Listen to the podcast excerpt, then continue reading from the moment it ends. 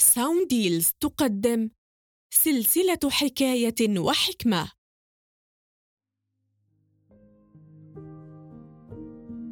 ومن يتق الله يجعل له مخرجا.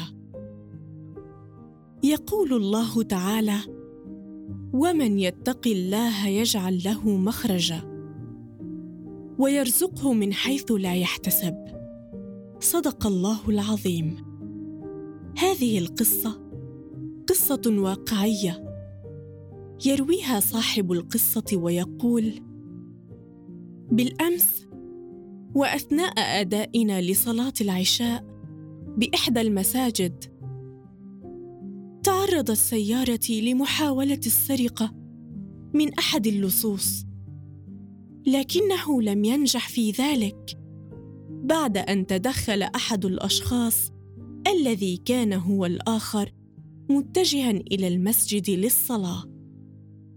إلى هنا تبدو الأمور عادية ولكن من هنا تبدأ القصة. يقول صاحب القصة توجهت إلى مدينة مجاورة في الصباح لإصلاح ما أفسده اللص ومباشرة بعد وقوفي في الحي الصناعي هرول إلي شاب في الثلاثين من عمره. وطلب مني بإلحاح أن يتكلف بالمهمة. سألته اولا عن الثمن. فأجابني بسرعة أن الثمن سيرضيني. المهم أن يتكلف هو بالإصلاح. فترددت قليلا ثم قبلت. لأني أحسست أن هناك شيئا غير عادي عند هذا الشاب. وقبل أن يبدأ عملية الإصلاح طلب مني ثلاثمائة درهم. وطلب مني مرافقته إلى إحدى الأزقة القريبة منه.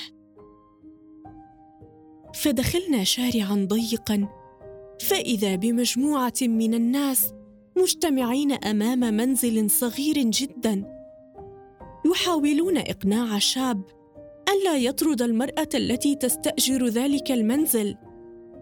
لأنها لم تدفع إيجار ذلك الشهر مع أنها كانت دائما ملتزمة بالدفع.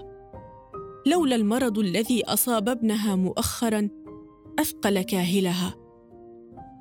توجه الشاب الذي تكفل بإصلاح سيارتي وقام بتسليم الثلاثمائة درهم التي أخذها مني للشاب صاحب المنزل وافترق الجمع. وشكرت تلك المرأة صنيع هذا الشاب. بعدها توجهنا مباشرة لإصلاح السيارة.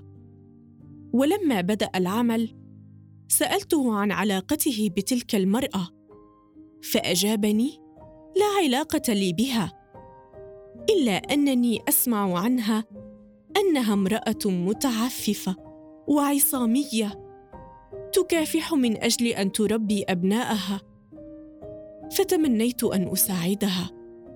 ولم يكن لدي المال الكافي لسداد آجار منزلها. حتى جئت أنت وعندما قبلت عرضي قررت أن أمنحها أجرة هذا العمل لوجه الله تعالى. هذا كل ما في الأمر. فسكت طويلا. أفكر كيف دبر الله أمر هذه المرأة بتلك المدينة عن طريق لص بمدينة أخرى. وصدق الله حين قال ومن يتق الله يجعل له مخرجا ويرزقه من حيث لا يحتسب.